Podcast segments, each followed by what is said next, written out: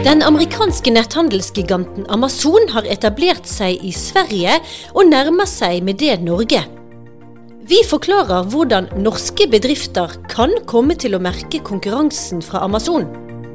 Og vi nordmenn handler i økende grad nå også matvarer på nett.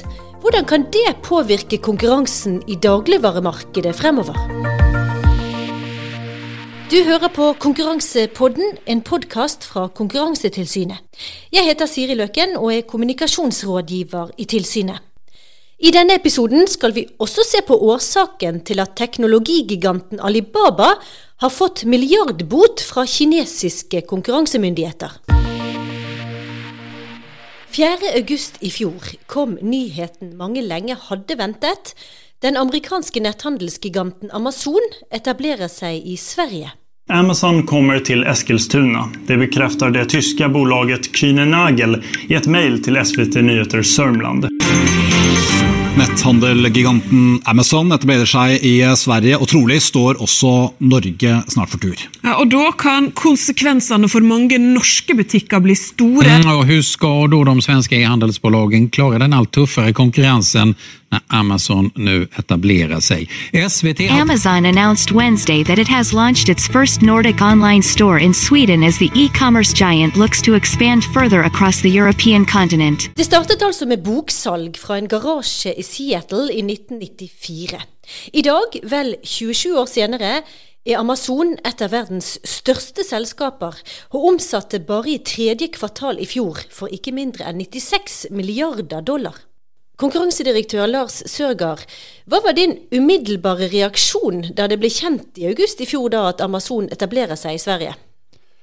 Det var for så vidt ikke overraskende, det var mer et spørsmål om når de ville etablere seg. Dette er verdens største aktør for netthandel, eh, og Norden må være interessant for de, og det er naturlig at de begynner i Sverige, som er det største nordiske landet. Ja, Amazon er altså et av verdens største IT-selskaper, eh, og grunnleggeren Jeff Bezos er en av verdens rikeste menn. Men rent bortsett fra det, hva vet vi egentlig om Amazon? De startet som sagt i en garasje i Seattle i 1994 med salg av bøker over nett. Jeg husker enda eh, at de var veldig tidlig ute med såkalt personalisert reklame. Når jeg kjøpte bøker på Amazon for over 20 år siden, så fikk jeg da etter en stund en eh, type eh, tilbakemelding fra de at Lars, we have an offer for you. Så de personaliserte tilbud til meg som gjør at jeg kunne finne gode tilbud. Det var på en måte forsmaken på eh, personalisert reklame, og nå har det tatt helt av, og nå er det blitt mye større grad et, et personvernproblem enn det var den gang. Og så startet de altså eh, å selge andre ting enn bøker eh, etter relativt kort tid? Fra slutten av 90-tallet startet Amazon med salg av andre fysiske produkter enn bøker, og for om lag ti år siden startet de med salg av strømmetjenester. I dag har de varelagre i en rekke land og har et enormt tilbud av fysiske produkter og strømmetjenester. De har om lag én million ansatte globalt. De har blitt kraftig kritisert for sin holdning til at ansatte organiserer seg i form av fagforeninger. Hva innebærer etableringen i Sverige sånn umiddelbart for oss norske forbrukere? Netthandel betyr selvfølgelig at du kan bestille fra Amazon selv om de ikke er til stede i Norge. Men det er en fysisk tilstedeværelse i form av et lager i Sverige som gjør at du kan få bøkene eller andre varer noe tidligere enn før. Eh, det betyr at det er litt mer attraktivt å bruke Amazon, for du får det tidligere på døren. Ja, er det grunn til å tro at vi nordmenn i større grad vil handle på Amazon fremover, også før de eventuelt kommer helt til Norge? Ja, jeg tror det er to grunner til det. For det første at uh, du kan få varene raskere, som jeg allerede nevnte. For det andre så ser vi at en del norske bedrifter nå velger å tilby sine varer på Amazon. Amazon er slik satt sammen at er noen varer de selger på egen hånd, Amazon, og så er det noen andre aktører som får lov til å få tilgang på deres markedsplass. Og Der kommer norske produsenter inn. Ja, Vi vet jo ingenting om en eventuell Norge-lansering ennå, selv om mange spår at den vil komme. I hvilken grad tenker du at det er viktig at norske selskaper er forberedt på større konkurranse fra Amazon fremover? Vi ser gjennom en rekke oppslag i pressen at det er mye oppmerksomhet om Amazon. og Det betyr at òg de er veldig bevisst på å tilpasse seg. Eh, vi har eksempler på at bedrifter nå er gjør grep som gjør at de er bedre i stand til å ruste seg mot Amazon. F.eks. Kolonial, som nå heter Oda. de som selger dagligvarer, de er allianse med Claes Olsson, som gjør at de får et større sortiment, og dermed blir en mer reell konkurrent til Amazon. Men rent konkret, hvordan bør selskapene forberede seg ellers? Det kommer veldig an på hvilken type selskap du er. Hvis du er, driver med netthandel, så må du være bevisst at du får et uh, veldig komplett tilbud. Altså du, du, har mange varer i ditt sortiment, og dermed blir mer lik Amazon. Hvis du er en produsent av en vare, så må du vurdere om du skal uh, gå inn på plattformen til Amazon, selge direkte over Amazon på dine egne vegne, eller om du skal bruke dine eksisterende kanaler. De som har fysiske butikker, f.eks. en kjede som har fysiske butikker over hele landet, kan bruke det som et fortrinn ved at de har da lager mange steder i landet, og dermed kan de være gode på det å levere raskt til deg som kunde, og sånn sett konkurrere med Amazon. Ja, Amazon selger jo varer innenfor en rekke segmenter og, og, markeder. I hvilken grad tenker du at Amazon vil øke konkurransen, og dermed være bra for oss kunder? Det er avhengig av hvilke produkter vi snakker om. Viss, på visse områder, bl.a. innenfor deler av sportsutstyr, så er det sterke merkevarer. De vil fortsatt være sterke merkevarer som kan ha en, en sterk posisjon i markedet. Men i andre mer standardvarer, tenk innenfor elektronikk, så er det grunn til å tro at denne netthandelen som da blir mer og mer eh, aktuell, kan forsterke konkurransen, og det kan føre til eh, flere og bedre tilbud til oss kunder. Men det Finnes det noen utfordringer for konkurransen? At Amazon eh, nå har etablert seg i Norden? Altså Amazon er en av de fem store tech-gigantene fra USA som på en måte har invadert vårt liv. Og det har vært veldig mye fokus på deres rolle de siste årene. Og dette handler om mye mer enn konkurranse. Det handler om personvern, det handler om forbrukeren. Det handler om, om å påvirke våre liv. Så det er grunn til å være kritisk til både Amazon og disse andre selskapene. Men gir rett og slett eh, Amazons forretningsmodell grunn til bekymring? Eh, det de gjør, er i utgangspunktet bra. De slipper til en del andre produsenter som direkte selger på deres plattform, og i konkurranse med Amazon, som selger også direkte til oss. da. Men det betyr at de får enormt mye informasjon om de andre konkurrentene.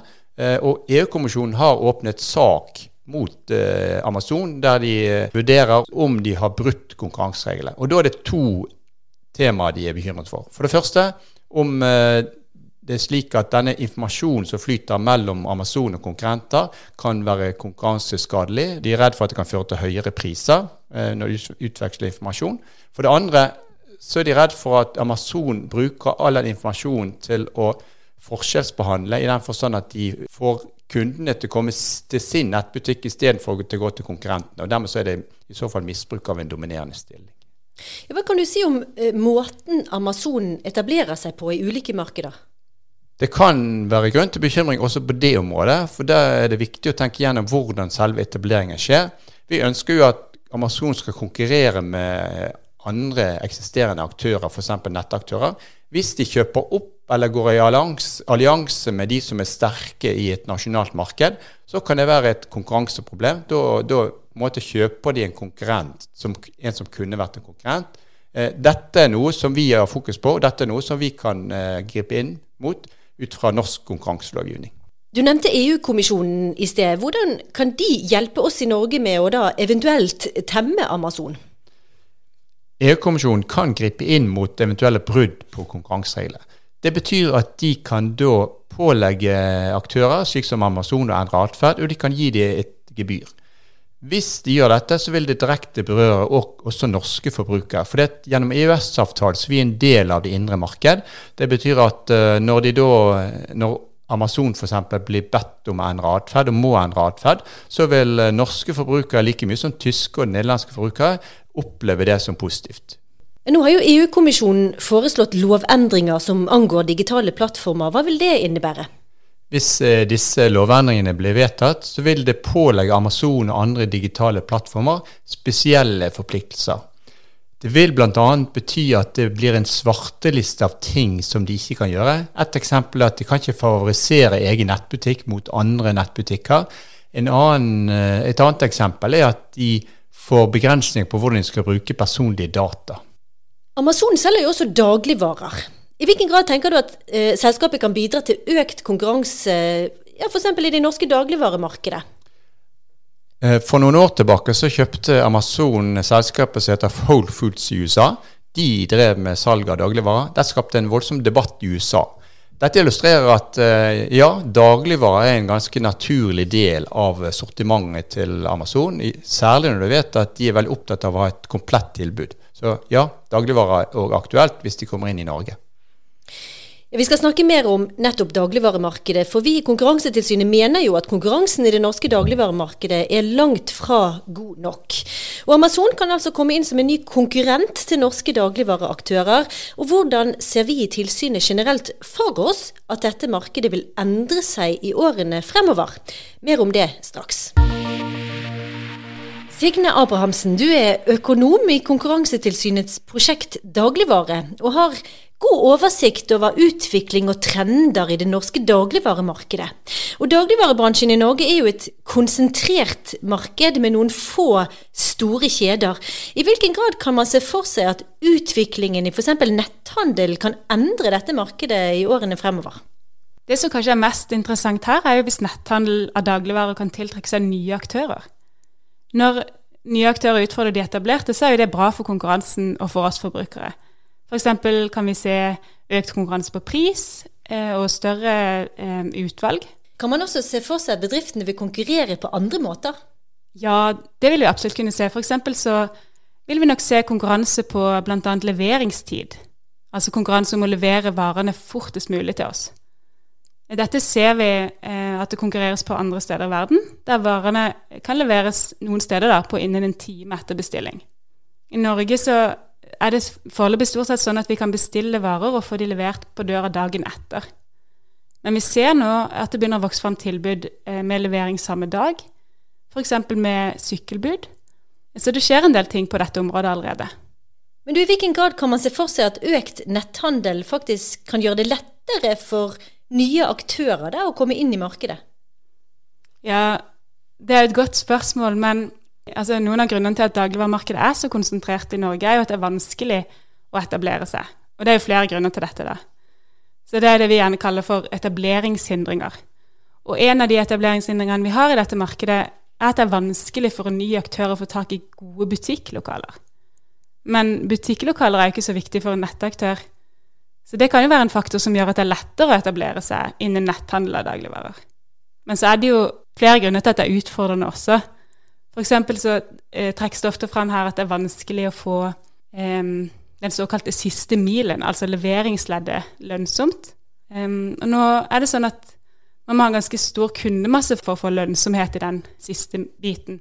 Men her ser vi at det skjer en del endringer, altså teknologiske endringer, som kan endre disse forutsetningene eh, fremover. F.eks. så utvikles det ny lagerteknologi og ulike leveringsløsninger som gjør at plukking av varer på lageret og levering eh, frem til kunden kan bli mer effektivt. Så da kan det hende at dette ikke blir en like stor barriere i fremtiden. Så vi vil kanskje se da at flere netthandelsaktører prøver å utfordre de etablerte kjedene i dagligvaremarkedet, og at dette kan være en fordel for oss forbrukere. Men kan økt netthandel også by på utfordringer for konkurransen? Ja, så vi tenker nok først og fremst at nye aktører og nye løsninger vil være bra for konkurransen og oss forbrukere. Eh, men det er nok eh, noen ting som eh, det er verdt å være oppmerksom på hvis mer av dagligvarehandelen vil foregå på nettet. F.eks. så vil jo prisene på alle varene være veldig synlige i en butikk på nettet. Og isolert sett så er økt pristransparens bra. Um, siden det betyr jo at oss kunder enklere kan sammenligne priser på tvers av butikker og handle der det er billigst. Men veldig tilgjengelige priser er også en faktor som kan gjøre det lettere for eh, aktørene å koordinere seg på pris. Um, og sånn kan jo prisene bli høyere enn de ellers ville vært. Så dette er noe som gjerne diskuteres i forbindelse med bruk av prisalgoritmer, og det er noe dere har diskutert i denne podkasten tidligere. Det som også kan bli interessant å følge med på fremover, eh, det er eventuelle oppkjøp og, fusjoner på dette området. Jeg vil si at vi konkurransemyndigheter rett og slett må tenke annerledes fremover? Ja, som den så skjer det jo en utvikling i de teknologiene som brukes innen netthandel av dagligvarer. Og det kan tenkes at denne utviklinga kan føre til brå endringer i markedet. F.eks. så kan en ny og veldig effektiv leveringsmetode gjøre at det er mulig å vokse veldig raskt. Så for oss eh, i Konkurransetilsynet så kan dette bety at vi må tenke litt annerledes enn vi tradisjonelt gjør når vi vurderer oppkjøp og fusjoner. Og dette henger jo sammen med noe av det som diskuteres i forbindelse med konkurransepolitikk i digitale markeder. F.eks. såkalt elimineringsoppkjøp og oppkjøp av små aktører som ennå ikke har blitt en ordentlig utfordrer, men som kan bli det. Men denne eventuelle utfordringa tar vi jo. Dagligvaremarkedet er jo et høyt prioritert marked for oss i tilsynet, så vi er rimelig trygge på at vi vil kunne håndtere de oppkjøpene som potensielt kan komme. Når det gjelder kjøp av dagligvarer på nett, hvordan ligger vi i Norge an sammenlignet med andre land, f.eks. våre naboland? Ja, Det er nok riktig å si at vi ligger litt bak. Um, I alle fall når vi sammenligner oss med noen land. Hvis vi ser på Europa, så er f.eks. både Frankrike, Storbritannia og Sverige kommet en del lengre enn oss. Um, I Sverige så finnes den aktøren eh, Mathem, som er en, en, aktør i sterk vekst. Og I tillegg så har jo den godt eh, etablerte kjeden Ica inngått et samarbeid med Okado. Eh, og de er i gang med å bygge ut nye lagre og rulle ut nye løsninger for netthandel og levering i, i Sverige. Så Okado eh, det er et britisk selskap som starta opp som netthandelsaktør for dagligvarer, men som nå har vokst og blitt et stort teknologiselskap som selger eh, løsningene sine for netthandel av dagligvarer til kjeder i hele verden. Ja, I Norge så har jo foreløpig Kolonial, som nå altså kaller seg Oda, eh, kommet til som en ny aktør. Men vi ser jo også at noen av de etablerte kjedene tilbyr netthandel i dag. Ja da. Eh, så vi ser jo f.eks. meny.no, eh, som har holdt på en god stund. Og så eh, så vi en del nye løsninger som kom frem da landet stengte ned nå under pandemien. F.eks. så starta Coop opp med netthandel av dagligvarer og samarbeider med Posten om levering. Men altså, selv om vi ser en vekst innen netthandel av dagligvarer i Norge, så, så er ikke denne handlemåten veldig stor her foreløpig. Eh, og altså litt mindre enn en andre land som vi gjerne sammenligner oss med. Hva er det som kan være årsakene til det? Eh, det er det vanskelig å si, men det går an å spekulere litt. Og en eh, faktor er nok at vi bor ganske spredt eh, i dette landet. Og hvis vi ser internasjonalt, så er netthandel av dagligvarer mest utbredt i tettbygde byer. Og dette har nok å gjøre med eh, det som jeg var litt inne på tidligere, at det er vanskelig å få denne leveringsbiten lønnsom. Så en annen ting i Norge er eh, at vi har relativt mange butikker. Eh, så mange folk har kort vei til butikken, og det er ikke så mye tid å spare på å handle på nettet.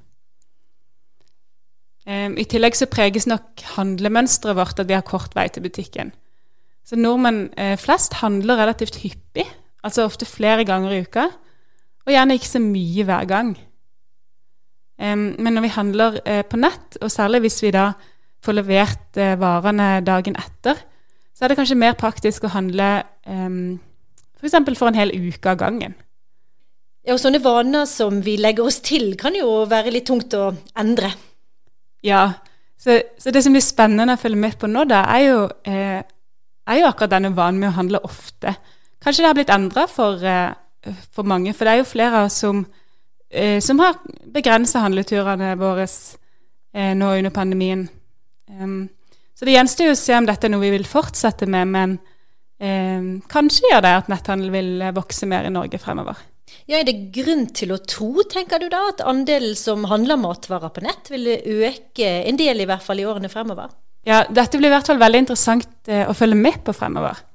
Det er mange som har eh, prøvd seg på netthandel og dagligvarer for første gang eh, nå den siste tida. Um, for eksempel så kan det tenkes at mange har vært skeptiske til denne måten å handle på. Eh, Bl.a. fordi man ikke kan se og kjenne på varene vi får i, i handleposen. Ikke sant? Så vi kan jo se for oss eh, hvor nøye noen av oss er med å kikke på datostemplingen på alle melkekartongene i skapet, f.eks., før vi velger den med lengst uh, holdbarhet. Eller kanskje vi klemmer på avokadoen for å finne den som er akkurat moden nok. Men når vi handler på nettet, så er jo ikke dette mulig. Um, men kanskje har mange opplevd at de er fornøyd med varen de får eh, likevel. Og kanskje flere av disse vil fortsette med netthandel av dagligvarer også fremover. Det kan altså være grunn til å tro at en større del av dagligvarehandelen fremover vil skje på nett. Men hvilke andre endringer i dagligvaremarkedet ser du for deg at vi kan komme til å se i årene fremover? Ja, her tror jeg det vil skje mye fremover. Mange av oss har jo allerede blitt vant med selvbetjente kasser, og eh, nå vokser det jo også frem fullstendig selvbetjente butikker. Um, men hvis vi skal holde oss litt innen netthandel, så eh, ser vi bl.a. en økende tendens til at flere nettbutikker eh, tilbyr eh, dagligvarer i tillegg til andre varer. Og dette gjelder jo f.eks. Eh, Amazon, som dere snakka om eh, tidligere. Dette ser vi jo allerede i Norge. for F.eks. så kan folk handle en del eh, Claes Olsson-produkter i tillegg til eh, melk og brød hos eh, Oda, altså gamle kolonial. Så kan man jo kanskje se for seg at eh, det vil skje endringer også fremover i hvordan varene blir levert. Ja, nå er det jo sånn at dagligvarene ofte kjøres ut eh, med biler og leveres eh, på døra, eh, eller at de må hentes på ulike leveringspunkt. Men det begynner som nevnt å vokse frem med løsninger der varene kan leveres med sykkelbud, og, og dermed ganske raskt blir levert. Og internasjonalt så, så ser vi at det vokser frem tjenester inspirert av, delingsøkonomien. Altså at du kan handle dagligvarer på en, en plattform på internett, og så kjøres de eller, eller sykles av en eh, privatperson som tok det oppdraget. Og så kan vi ikke snakke om nye leveringsløsninger uten å nevne droner og, og selvkjørende biler. Dette høres kanskje urealistisk ut, eller iallfall veldig langt eh, frem i tid, men det gjøres allerede eh, forsøk på slike leveringsløsninger rundt om i verden. Så man vet jo aldri. Amazon, som, som vi har snakka om tidligere, de, de gjør forsøk med dette. Ja, Amazon har jo eh, altså da også et relativt omfattende salg av dagligvarer. Hva kan du si om hvordan selskapet eventuelt påvirker dagligvaremarkedet i de landene de har etablert seg? i? ja, Amazon eh, gikk jo inn i dagligvaremarkedet for fullt da de eh, kjøpte opp eh, Whole Foods i USA for noen år tilbake. Eh, og nå har de etablert seg med salg av dagligvarer i flere land, og da særlig i større byer. Det kan kanskje se ut som de ikke får helt det samme grepet om, om dette markedet, sånn som de har gjort innen nettsalg av andre varer. Eh, det finnes eh, tilfeller der Amazon har eh, starta opp med å selge dagligvarer på nett i et område, men så har de gitt seg etter en stund. Og det er jo ikke helt likt denne giganten. Ja, hva kan være grunnen til det? Nei, som vi var inne på, så er det jo en del faktorer som gjør at netthandel av dagligvarer er litt annerledes enn for andre varer. Og det gjør kanskje at den tradisjonelle modellen til eh, Amazon ikke passer helt for denne typen varer. Eh, man trenger f.eks. en annen eh, lager- og plukkteknologi, fordi det er ikke helt det, samme å plukke esker med, med elektronikk eller bøker som det er å plukke frukt og grønnsaker og f.eks. egg som lett kan knuse. Og så er det jo Altså på leveringsbiten må man også gjerne tenke litt annerledes, siden noen varer må f.eks. ha det kaldt. Eh, og kanskje fordi forbrukerne er mer eh, utålmodige med tanke på leveringstid. Men dette blir jo bare spekulasjoner fra min side, altså. Så er det jo kanskje også grunn til å tro at Amazon ikke, ikke gir seg sånn med en gang. Amazon har, har absolutt en vekst eh, innen dagligvarer også. Så noe av det som, som er interessant eh, i forbindelse med Amazon og, og dagligvarer, er jo at de faktisk har starta opp med fysiske butikker en del steder i verden. Eh, De har f.eks. helt eh, selvbetjente butikker der eh, kunden fikser alt selv. Eh, Og så prøver de jo eh, stadig ut nye eh, teknologier og nye løsninger for netthandel av dagligvarer. F.eks. Så eh, kan kunder av denne abonnementstjenesten Prime få tilsendt eh, esker med eh, bl.a. dagligvarer, men som de også kan fylle med, med andre produkter. Og så eh, forsøker de å korte ned leveringstiden eh, veldig noen steder. Så Eh, de har leveringstid ned mot en time i noen eh, byer. Også som jeg nevnte i i sted, så gjør de jo forsøk med selvkjørende biler og droner. Hva tror du, kan man tenke seg at man kan få levert dagligvarer med drone også i Norge i relativt nær fremtid? Ja, nå, nå er jo Amazon på vei inn i Sverige, og de vil nok eh, komme til Norge eh, også etter hvert. Men det er jo ikke sikkert de vil eh, begynne å selge dagligvarer her med, med det første. Det gjenstår jo å se. Norske eh, dagligvarekjeder følger jo så klart eh, denne utviklingen også. Eh, og hvis det er sånn at, at selvkjørende biler eller, eller droner vil, vil fungere til dette, så eh, vil nok dette bli fremtiden i Norge også. Takk skal du ha, økonom her i Konkurransetilsynets prosjekt Dagligvare, Signe Abrahamsen. Vi skal ha Konkurransenytt fra verden, der vi i dag skal til Kina. Tidligere denne måneden ble det kjent at det kinesiske teknologiselskapet Alibaba er ilagt en bot på det som tilsvarer over 23 milliarder norske kroner for å ha misbrukt sin dominerende posisjon i det kinesiske markedet. Og økonom her i Konkurransetilsynet, Magnus Friis Reitan, dette er jo en sak som har fått mye oppmerksomhet, også internasjonalt. Og aller først må du forklare, hva slags selskap er egentlig Alibaba? Alibaba er en netthandelsplattform som eh, både har eh, en sånn eBay-aktig løsning, hvor eh, enkeltpersoner og småbedrifter selger til hverandre, og en mer Amazon-aktig løsning der store bedrifter og merkevarer selger til, til enkeltkunder. Og de er en gigant i det kinesiske og asiatiske markedet, og de har også en engelsk nettside som du kan handle på. Hva er det kinesiske myndigheter mener at Alibaba har gjort seg skyldig? De mener at uh, Alibaba har misbrukt sin dominerende stilling uh, som uh, netthandelsplattform. Spesifikt da, gjennom å kreve at folk som selger, bedrifter som selger på Alibaba sine plattformer, kun skal selge på Alibaba sine plattformer, og ikke på noen konkurrerende netthandelsplattformer. Ja, Misbruk av dominerende stilling er jo ikke en ukjent problemstilling heller for EUs konkurransemyndigheter, eller for norske konkurransemyndigheter for den saks skyld. Er det likhetstrekk mellom de kinesiske konkurransereglene og konkurransereglene som europeiske land følger? Altså, Nå er ikke jeg noen ekspert på kinesisk juss, men uh, det er noe uh, De har en artikkel seks i uh, antimonopolloven i Kina Uh, sier at det ikke det er forbudt å misbruke sin dominerende stilling. Eh, og eh, kinesiske konkurransemyndigheter i dette vedtaket eh, avgrenser et relevant marked, sånn som vi er vant med i europeisk konkurransepolitikk. De finner at Alibaba er dominerende på dette netthandelsplattformmarkedet, særlig med henvisning til at de har mer enn halvparten av markedet i markedsandel. Og så finner de at de har misbrukt sin dominerende stilling gjennom disse, denne kravet om eksklusivitet overfor folk som selger på, uh, på uh, plattformen deres. Så det ligner, det ligner, ganske mye, kan du si. Det har jo vært mange nyhetsoppslag rundt Alibaba det siste halvåret? Ja, det har ikke manglet. Jack Ma, grunnleggeren, var ute og kritiserte kinesiske myndigheter og banker i oktober, var det vel Eh, så hadde du denne børsnoteringen av uh, Alipay, eh, eller Ant Group, som ble droppet i november. og midt oppi det hele så forsvant òg han Jack Ma fra offentligheten fra oktober, og til han dukket opp igjen i, på, på, nettet i januar og ble sett golfende i Hainan-provinsen i februar. og så kom altså denne boten 10. april i år. Hva vet vi om hvordan Alibaba forholder seg da til dette gebyret fra konkurransemyndigheten i Kina? Altså der er jo, Hvis uh, lovteksten og forbudet ligner på uh, det europeiske, så er prosessen ganske annerledes enn uh, hva vi er vant med.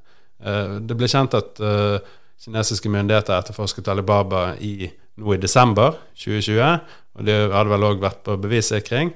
og så varslet de uh, dette vedtaket med, med gebyr uh, eh, 6.4 i år. Uh, og Alibaba sa at de ville ikke, ville ikke komme noen kommentarer til det varselet. Så fire dager etterpå, uh, 10.4, så kom vedtaket. og det vedtaket har Alibaba Der er de takket for den veiledningen som de får fra kinesiske myndigheter. så det er lite det er lite i prosessen som minner om uh, hvordan uh, lignende prosesser uh, skjer i Europa. Takk for denne oppdateringen om milliardgebyret Alibaba altså har fått av kinesiske myndigheter, økonom her i Konkurransetilsynet Magnus Friis Reitan. Det var det vi hadde i denne episoden av Konkurransepodden. Du finner flere nyheter fra Konkurransetilsynet på nettsidene våre. Der kan du også melde deg på vårt nyhetsbrev. Følg oss også på sosiale medier, Facebook, LinkedIn og Twitter.